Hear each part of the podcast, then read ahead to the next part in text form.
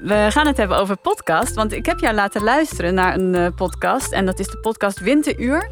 Waarin een gast zijn favoriete tekst uh, meeneemt naar de sofa bij Wim Helsen.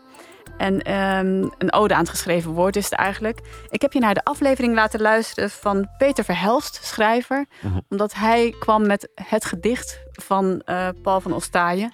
En ik wist dat jij van de vijftigers houdt. Ja, klopt. En van Paul van Ostaaien. Zullen we even naar een fragment luisteren? Ja, ga.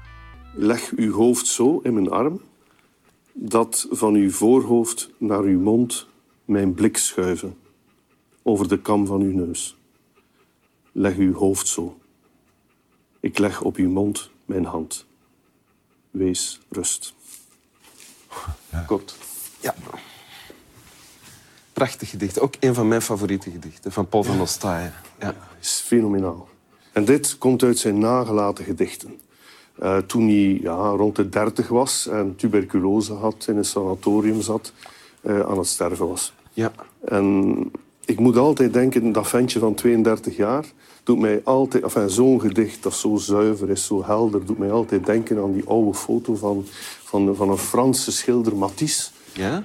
Um, uh, in de jaren 50, 40, 50. Die op zijn bed ligt, 84 jaar oud, kan niet meer uit zijn bed. Maar zijn sterfbed ook.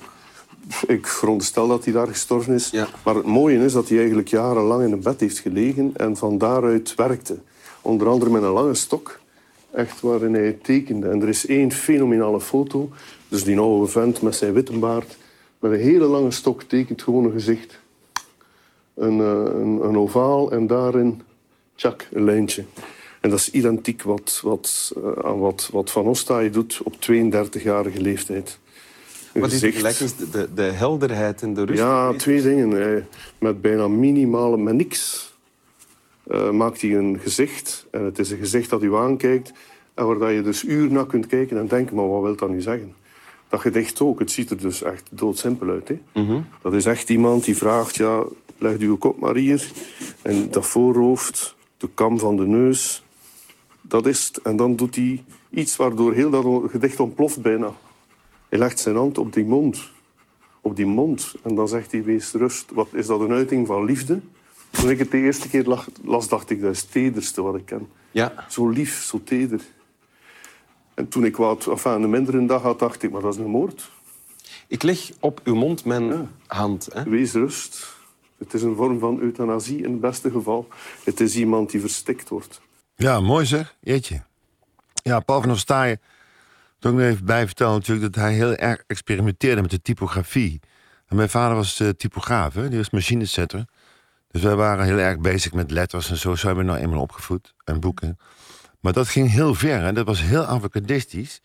Dus dat die hele grote letters en ook nog dingen die geen letters waren uh, gebruikte. Dus boem, en dan pakslag. En weet je, dat, je ziet het bijna. Dus optisch was hij ook heel erg uh, bedreven. Hij is niet, hij is heel jong gestorven. Hè? Ja. Zat maar, ja, dus weinig tijd. En inderdaad, dus zijn nagelaten gedichten. Uh, heeft hij van die hele lieve gedichtjes. Weet je wel, slaap als een reus, slaap als een roos, slaap als een reus van roos. Zoeteke, liefeke, zoete koeksdooseke. Doe de deur dicht, ik slaap. Fantastisch. Het is bijna een lied al, ja. ja. Heb ik ook op muziek gezet, ja. Ja. En uh, zoiets was het. Uh, ja, dat, dat, is geniaal. Als je, zeker zijn ontwikkeling, dat is heel erg experimentele muziek. De bezette stad, geloof ik dat het was, over de Eerste Wereldoorlog. En hij werd ziek, hij kreeg uh, tuberculose. Dat is natuurlijk in die tijd een ramp. En dan moet je naar een sanatorium. En toen is hij volgens mij die hele lieve gedichtjes en zo gaan maken. Dus het, ja, ik vind het echt, ja, echt een voorloper voor heel veel moderne poëzie, dacht ik. En wat hier beschreven wordt, is die helderheid. Ja, ja. Is dat ook iets wat je nastreeft?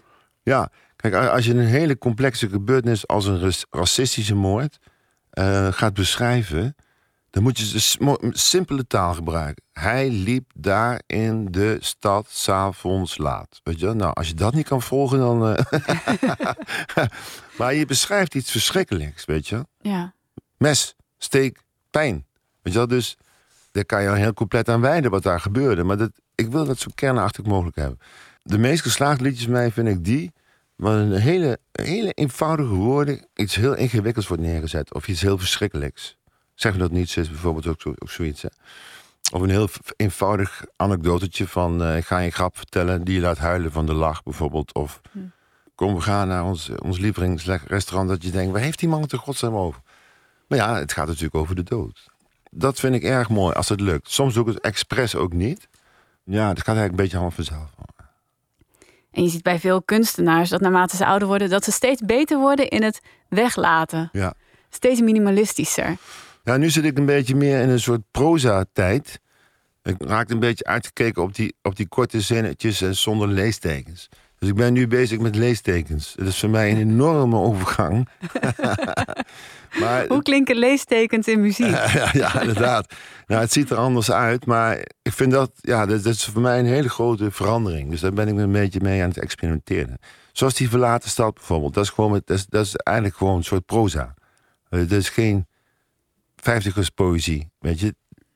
Dat, dat, is gewoon, ja, proza-poëzie. Ik weet niet hoe ik het moet omschrijven.